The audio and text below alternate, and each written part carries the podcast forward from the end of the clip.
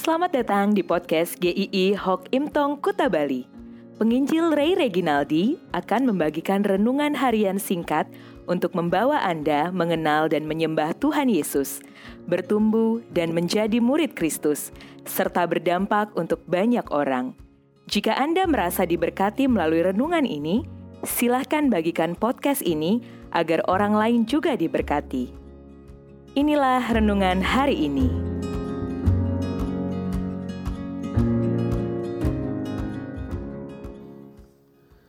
Kualitas hati menentukan buah yang dihasilkan. Markus 4 ayat ke-8. Dan sebagian jatuh di tanah yang baik. Ia tumbuh dengan suburnya dan berbuah.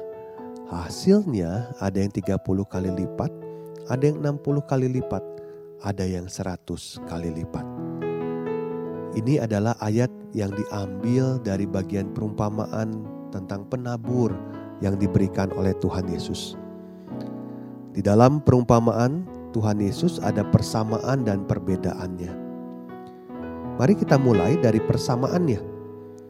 Persamaan pertama adalah yang menaburnya orang yang sama, bukan orang yang berbeda-beda. Dikatakan ada seorang penabur. Persamaan kedua adalah jenis benih yang sama. Jelas sekali benih yang ditaburkan adalah jenis dengan kualitas yang sama sekarang kita beralih ke perbedaannya. Perbedaan pertama adalah kualitas tanah penerima yang berbeda-beda. Ada yang jatuh di pinggir jalan di tanah yang keras. Ada juga yang jatuh di tanah yang berbatu-batu. Ada yang jatuh di tengah semak duri.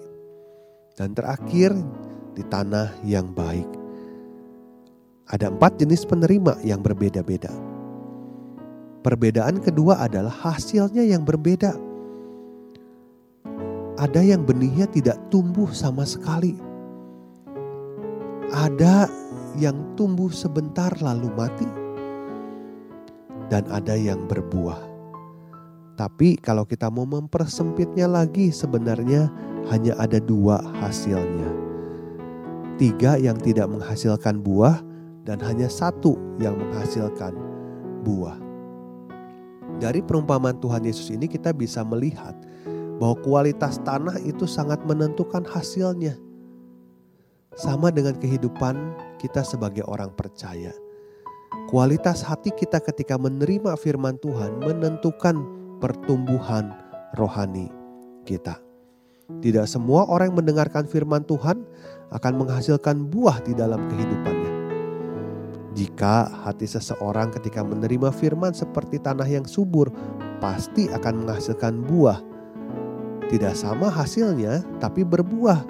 Ada yang 30 kali lipat, ada yang 60 kali lipat, ada yang 100 kali lipat. Tetapi intinya adalah pasti menghasilkan buah. Hati kita seperti tanah yang subur adalah orang yang mendengar dan menyambut firman itu. Firman itu bukan cuma sebagai sarana untuk melengkapi pengetahuannya. Ini juga bukan tipe orang yang pilih-pilih firman, yang mana yang mau didengarkan, yang mana yang tidak mau didengarkan. Tetapi setiap firman Tuhan itu meneri, setiap firman Tuhan itu diterimanya dengan rendah hati. Merenungkannya dengan baik dan dipraktekkannya di dalam kehidupan. Orang Kristen sejati adalah orang yang seharusnya berbuah di dalam kehidupannya. Mari kita mengkoreksi hidup kita masing-masing dengan jujur di hadapan Tuhan. Bagaimana sikap kita selama ini terhadap firman Tuhan? Apakah hidup kita masih penuh dengan sungut-sungut? Susah untuk bersyukur? Sedikit-sedikit ada masalah kita khawatir, kita takut lagi. Kita sering kali mungkin masih menjadi batu sandungan buat orang lain. Kita masih menilai hidup kita dan orang lain berdasarkan harta, jabatan yang dimiliki.